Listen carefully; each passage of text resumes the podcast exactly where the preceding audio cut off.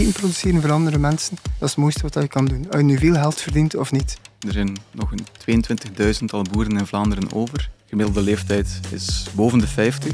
Ik zou gewoon al heel blij zijn als de mensen die dat nu nog willen, dat ze die niet allemaal wegjagen.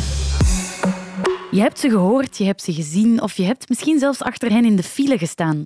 Boeren in heel Europa komen op straat met hun tractoren om te protesteren tegen ja, een heleboel dingen. In het kort, de job is onhoudbaar geworden. Waarom precies? Daar praat ik vandaag over met Lies Bernards. Hi, jij hebt een varkensboerderij. Ja, dat klopt. Dus ik heb uh, bio gestudeerd en na mijn studies um, heb ik een tijd gewerkt bij mijn ouders, maar daarna uh, in 2020 heb ik het varkensbedrijf van mijn ouders overgenomen.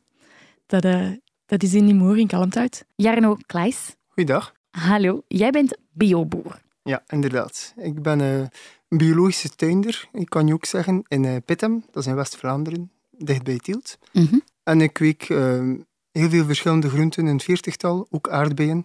En voornamelijk voor mijn directe verkoop, dus op markten. En een deel ook voor de langere keten. En Ruben, s'avonds. Hallo, jij bent onderzoeker aan de UGent. Waar gaat jouw onderzoek over? Klopt. Ik doe onderzoek naar agroecologie en hoe dat concept zich ontwikkelt binnen Vlaanderen als alternatief model voor de landbouw en de voedselsystemen in Vlaanderen. Kan je even uitleggen, Ruben, wat agroecologie is precies? Dat is een idee, een concept om de landbouw te verduurzamen. Ja, oké. Okay. Wie wil er vandaag nog boer worden en wat gebeurt er als er geen boeren meer zijn? Dat hoor je in deze aflevering van Snapt je mij nu? Een podcast waarin ik, Aurélie Boffet, met jullie in gesprek ga over de dingen waar we van wakker liggen. Welkom.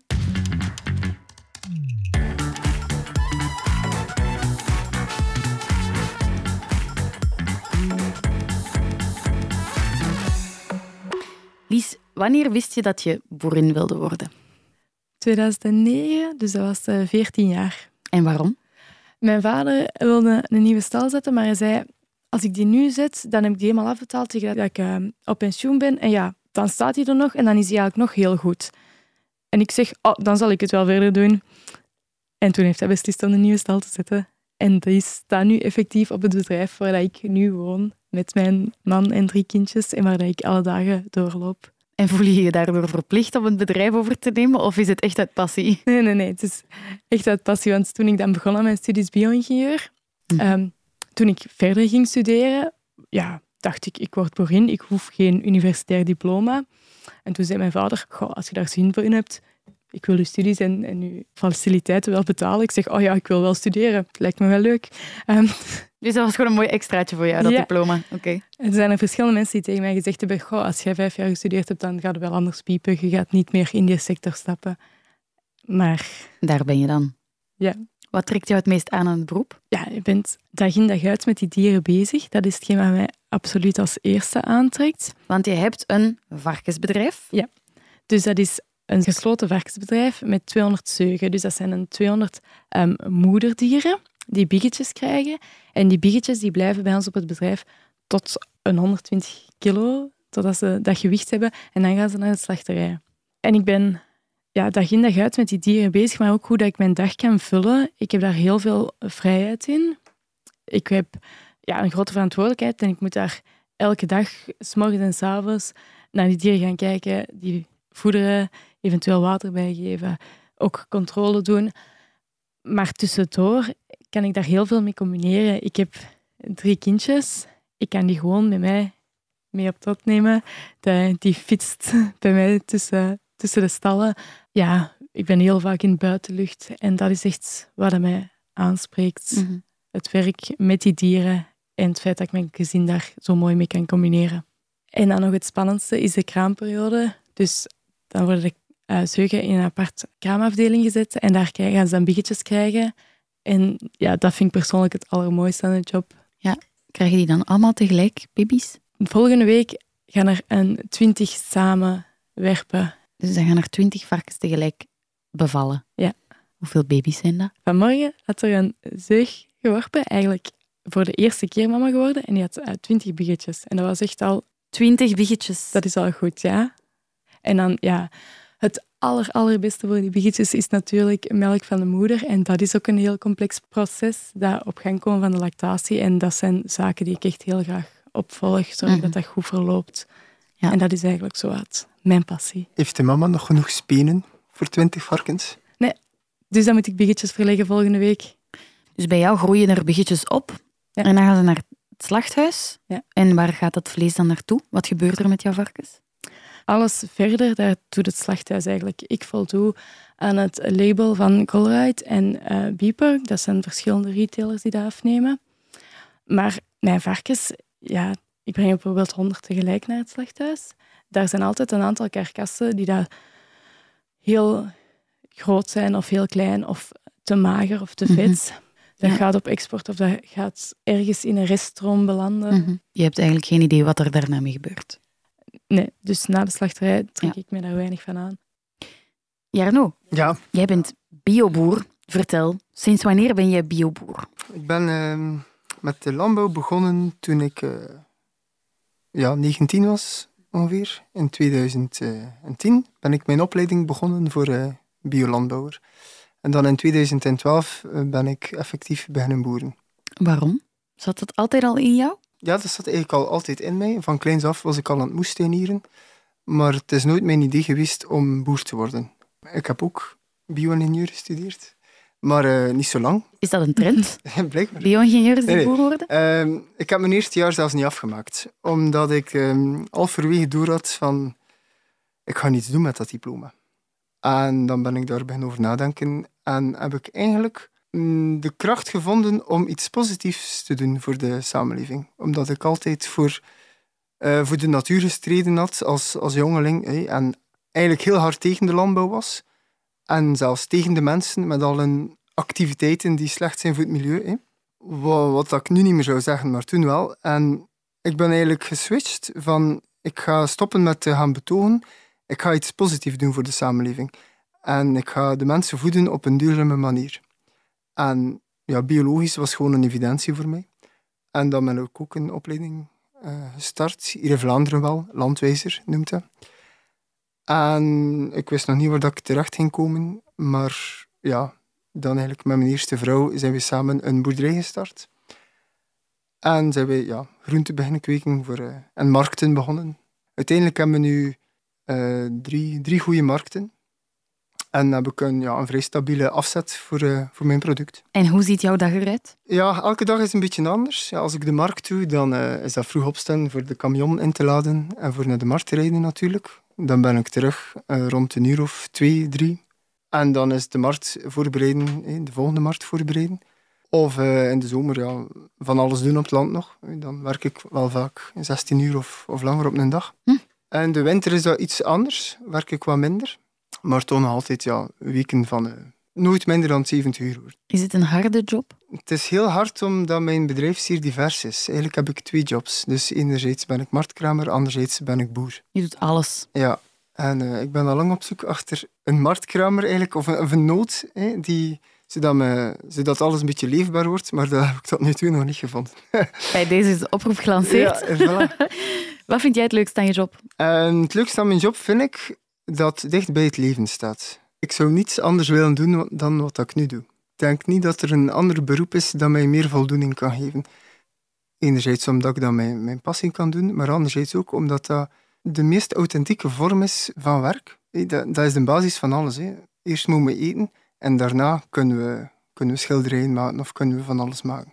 Maar eerst moeten we met ons handen in de grond zitten en maken dat meten.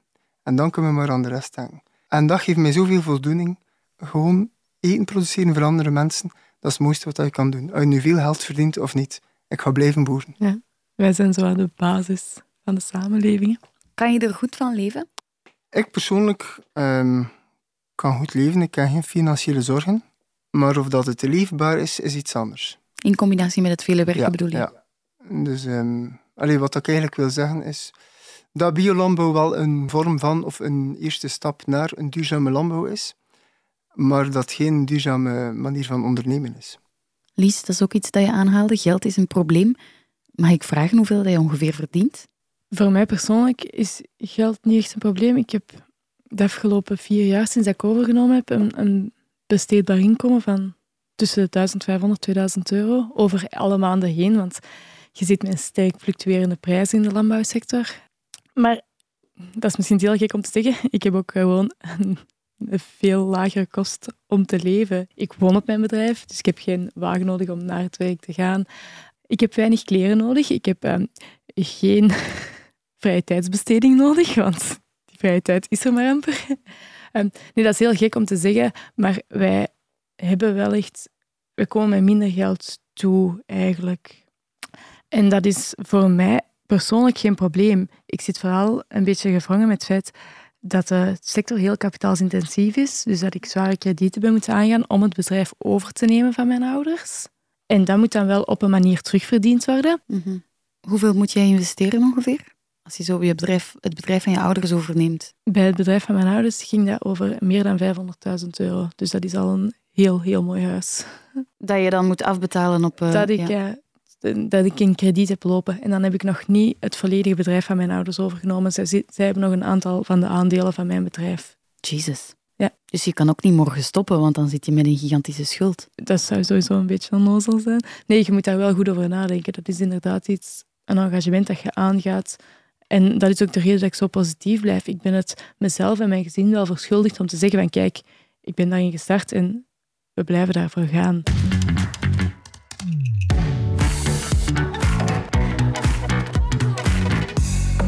Lies, ben jij op straat gekomen vorige week? Ik was heel graag meegegaan, maar uh, mijn jongste zoontje is vier maanden. Die had jou meer nodig? Ja, dus ik heb uh, niet effectief mee op straat geweest, maar wel heel veel mensen die ik ken. En snap je, wat is het, wat is het probleem juist? Het gaat vooral over hoe dat we behandeld worden. Er is gewoon heel weinig uh, begrip voor de sector. Um, wij voelen ons altijd zo rest. En wij hebben dan het idee dat we moeten inboeten ten voordeel van de industrie dan. Landbouwgrond die wordt ingepikt voor nieuwe wegen, infrastructuur, voor um, ja, creatie van industriegebied, woongebied, uh, natuur. En dat onze producten niet echt gevaloriseerd worden soms. Ja, dus weinig respect, te weinig valorisering van jullie producten. Weinig respect en ja, gewoon bekeken worden als de rest waar we nog ja. wat kunnen van afpitsen. Mm -hmm. Ruben, vind je dat de boeren gelijk hebben? Absoluut gelijk.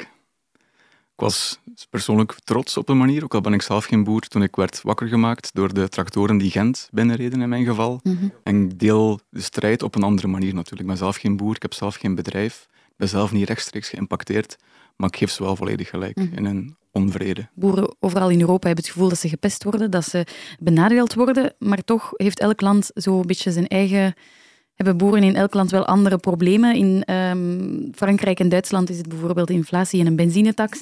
Uh, in Spanje is het omdat ze geen water meer mogen oppompen om hun, om hun uh, dieren water te geven en hun gewassen te bewateren. In Ierland uh, moeten ze de veestapel verkleinen. En bij ons is het stikstof. Mm -hmm. Een heel complex dossier. Maar kan jij dat eens heel kort uitleggen wat precies het probleem is? Um, het probleem met stikstof is dat er momenteel te veel op natuurgebied terechtkomt. Dat werkt uh, de biodiversiteit uh, negatief in de hand. Dus dat zorgt voor een verslechtering van de natuurwaarde, van de biodiversiteitswaarde, mm -hmm. van het klein beetje natuur dat we nog hebben in ons geval. Mm -hmm. En die bronnen daarvoor zijn um, verkeer, met autorijden, industrie, maar de grootste brok is uh, de landbouw zelf. En er komt ook heel veel overgewaaid uit onze buurlanden enzovoort. Dat is een heel mm -hmm. andere puzzel natuurlijk. Maar dus, en die bron binnen de landbouw is voornamelijk de veeteelt. Er is precies wel in heel Europa een groter probleem? Ja, er is denk ik wel een rode draad. En dat is um, onder andere ook respect voor boeren, de positie van de boer in de voedselketen, die onderaan is als je hem hiërarchisch bekijkt, Mhm. maar dan ook echt onderaan wat macht betreft. En de macht om een deftige marge te onderhandelen of af te dwingen, die is er ook vaak niet bij boeren, of tenminste bij boeren. Hoe komt dat? Omdat wij met heel veel verschillende spelers zijn. Dat is het omgekeerde van Mhm. monopolie. Mhm. Dus waarin dat één iemand de hele Mhm. markt bezit. Er zijn heel veel landbouwers die exact hetzelfde doen als ik doe. Dus ik ben perfect vervangbaar. Hoe zijn wij in deze situatie beland? Sinds wanneer is dit systeem zo op zijn gat? Dus binnen Europa is er na de Wereldoorlog zowat het credo gekomen van nooit meer honger. Samen, niet toevallig misschien, met Europese eenmaking. En dan werden er snel plannen gesmeed voor een algemeen gemeenschappelijk Europees landbouwbeleid. Uh, dat is vrij snel doorgevoerd, net om die strategie van nooit meer honger door te voeren. met als twee pijlers betaalbaar en genoeg voedsel voor de consument en een goed inkomen en een goede levensstandaard voor de boer. Twee speerpunten die, als je ze naast elkaar legt, eigenlijk een klein beetje tegen elkaar in durven gaan. Want je kunt Mhm. soms en vaak niet goedkoop voedsel en goed inkomen voor een boer afdwingen. Dat zijn twee dingen die soms een beetje haaks op elkaar staan. Daar is een heel groot budget ook naar gegaan. Alle verantwoordelijkheid naar beleid toe is bijna naar Europa verschoven vanuit regionale, nationale overheden. Dus het gros van de beslissingen op vandaag nog altijd en al decennia wordt op Europees niveau gemaakt. Dus vandaar ook een gemeenschappelijke frustratie, denk ik, van de boeren doorheen Europa is net dat Europees landbouwbeleid, die heel veel beslist. Dus we zijn eigenlijk na de oorlog in een systeem beland waar we zoveel mogelijk voedsel voor zo weinig mogelijk geld moesten creëren. En we zitten daar eigenlijk nog steeds in, in die malle molen. Nee, ik denk eigenlijk vooral dat er de, sinds 2000 echt ehm, een pijler bij is gekomen. En dat is die groene pijler. Mhm. Dus ze hebben eigenlijk altijd meer eh, milieu- en natuurregels er vanuit Europa ook opgelegd. Mhm. De lidstaten zijn daar dan ook nog zelf mee aan de slag gegaan om dat echt om te zetten in wetgeving. Eh, Vlaanderen is daar soms nogal enthousiast geweest. En dat is wel ten koste van dat goed inkomen van de landbouwer gaan. En de wereld is verder geglobaliseerd. Er Dat blijft wel een, een hectaresteun of een algemene inkomenssteun. Wat is een hectaresteun?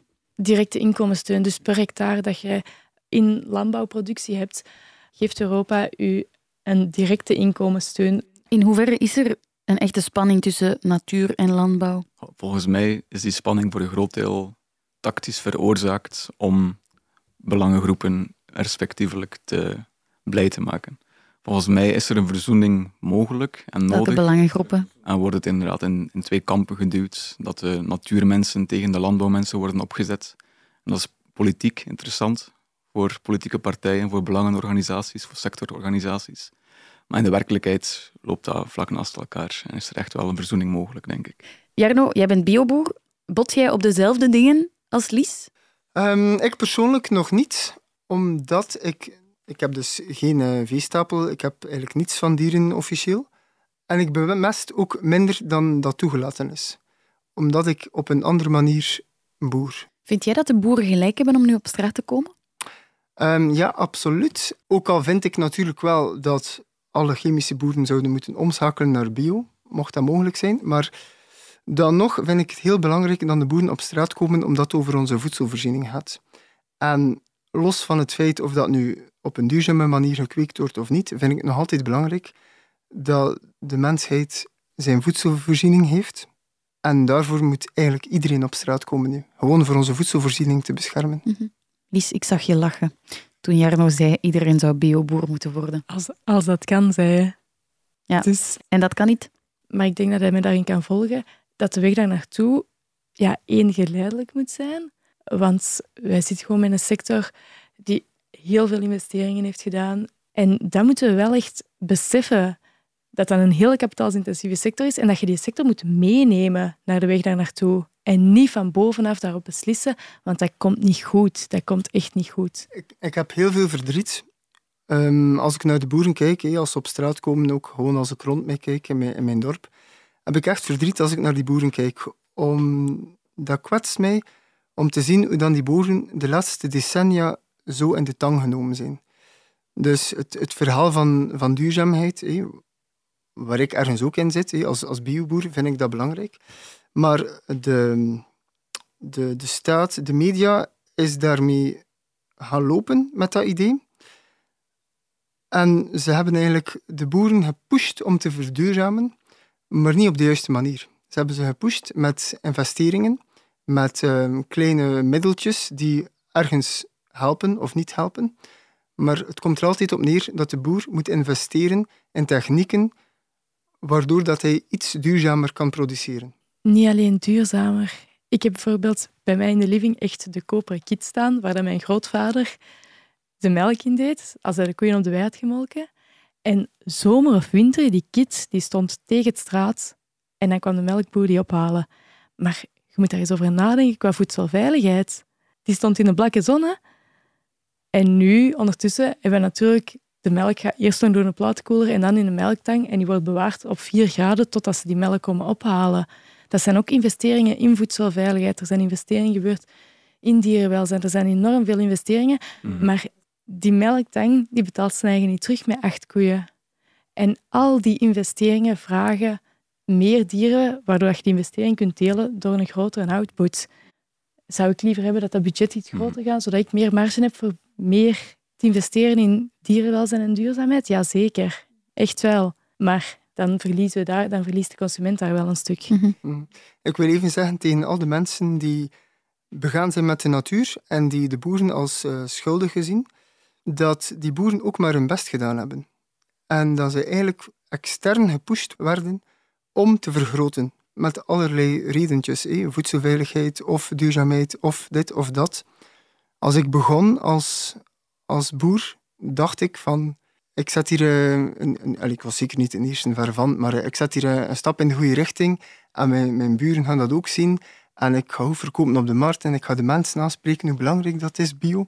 En ik was er echt van overtuigd dat binnen zoveel jaar gaat heel de wereld bio zijn. Zo naïef was ik. En nu heb ik door dat dat helemaal niet het geval is. Dat er eerder een grotere afstand komt tussen het chemische boeren en het, eh, het- de natuurlijke voedselvoorziening. Ik heb nog niet over bio, de natuurlijke voedselvoorziening van de mens. Mm. Ook al wordt er veel over gepraat dat we voldoen aan die duurzaamheidsregels en dat we voldoen aan dit en dat, toch zie ik een verdere afstand tussen natuur en landbouw. Is er een te grote kloof tussen ons, de burgers, en ons eten en wat er in ons bord hangt? Ruben, ik zie jou knikken. Ik denk dat wel. Hebben wij te weinig voeling met, met ons eten? Ik denk dat we onze voedselcultuur een beetje kwijtgeraakt zijn. Niet per se onze eigen verantwoordelijkheid per se. We hebben minder en minder tijd om grondige boodschappen te doen, om grondig met voedsel in contact te komen. Minder tijd om eten te bereiden zelf. Dus meer en meer fastfood, meer en meer vooraf bereide maaltijden. En dat doet ons het contact met voedsel verliezen, de waarde die we aan voedsel geven verliezen. Dat zorgt ervoor dat we eigenlijk ook al niet meer wakker liggen van van waar het komt. En dat is heel jammer, want net die band met voedsel zorgt ervoor dat we Mm. betere keuzes maken en moeten maken, denk ik zelfs. Ja, daar, daar is een grote afstand en dat is gewoon heel vanzelfsprekend geworden. En dat is het niet. Ehm, we stellen ons daar echt geen vragen bij of dat, dat voldoende is en zelfs inderdaad hoe dat, dat geproduceerd wordt. Ik denk dat er ook heel weinig mensen kijken zelfs naar de afkomst of als ze dan een bepaald label voldoen als ze in de winkel staan, als ze zelfs al in de winkel geraken, als het niet gewoon ergens takeaway meenemen. Wat als onze heel, ons hele landbouwsysteem in handen zou vallen van enkel grote bedrijven? Wat is daar dan het probleem mee? Dat je zoiets cruciaals als voedsel in de handen geeft van mensen die er voornamelijk winst uit willen maken. Een boer moet ook winst maken, omdat het zijn beroep is, of haar beroep is. Maar het is toch in handen van burgers. Boeren zijn burgers. Die hebben geen ehm, Met een passie. incentive om... Eerder niet, inderdaad. Want dat is, dat is iets vrij democratisch. Dat is een vrij democratisch grondrecht, denk ik, dat we toegang hebben tot voedsel. Dat de mensen die ons voedsel produceren mensen zijn, individuen zijn, die aanspreekbaar zijn, die deel van, van de gemeenschap zijn. En dat dat niet in de handen van grote bedrijven ligt.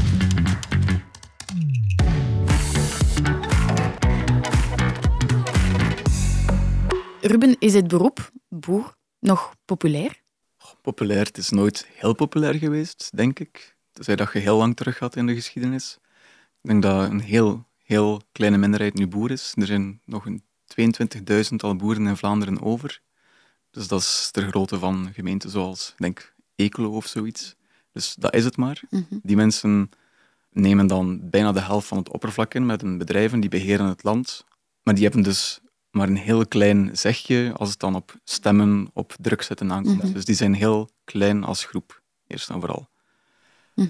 Er zijn heel veel boeren die met pensioen gaan. Gemiddelde leeftijd is boven de 50. Dus er zijn heel veel mensen die zullen stoppen binnen 10, 20, 30 jaar. En het is minder en minder aantrekkelijk om over te nemen. Eén. En twee, het is ook minder en minder aantrekkelijk, denk ik, om erin te stappen als, als nieuweling. Wat moet er dan gebeuren om het beroep weer leefbaar te maken volgens jullie? Ehm, ik, ik denk dat er altijd gaat geboerd worden.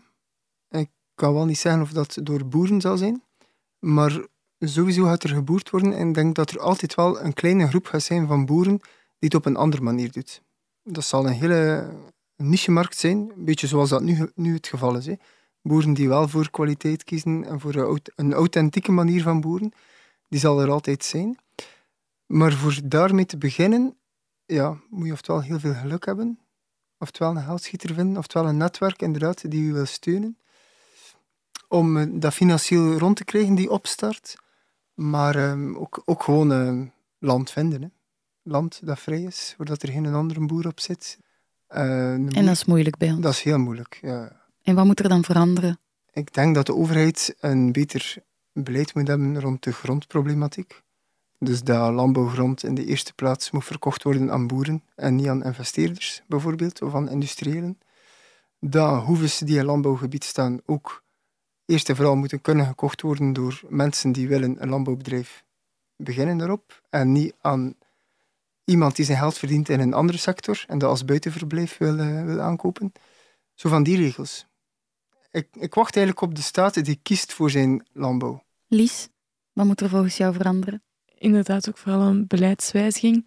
Maar ik denk dat het sowieso moeilijk zal zijn om meer mensen te overtuigen om in de landbouwsector te stappen. Want ik ben mijn dier, maar met gewassen even goed. Je hebt wel een enorme verantwoordelijkheid en je moet er elke dag staan. Dat zijn heel veel mensen niet meer gewoon om er echt elke dag volop voor te gaan. Ik zou gewoon al heel blij zijn als de mensen die dat nu nog willen, die dat nu nog zien zitten, dat ze die niet allemaal wegjagen. Er gaan niet meer boeren komen dan dat er vandaag zijn. Ze zijn ze gewoon aan een snel tempo aan het wegjagen. En als ze daar al mee zouden willen stoppen, alstublieft dan denk je dat ik al blij ga zijn. Dus luister meer naar de boeren. Yes. Hopelijk. Misschien is dit een mooie eerste stap. Dank jullie wel om te komen. Graag gedaan. Lies, Jarno en Ruben. Graag gedaan. Dit was Snapt je mij nu? De podcast waarin ik samen met jullie in gesprek ga over thema's uit de actualiteit die ons bezighouden. Waar discussieer jij met je vrienden over op café? Wat vind jij superbelangrijk om over te praten? Stuur me al jouw ideeën door via de Instagram-pagina van VRT Nieuws of stuur me een privébericht via Aurélie-Boffé. En misschien zit jij wel aan tafel in de volgende aflevering. Merci voor het luisteren en tot de volgende keer.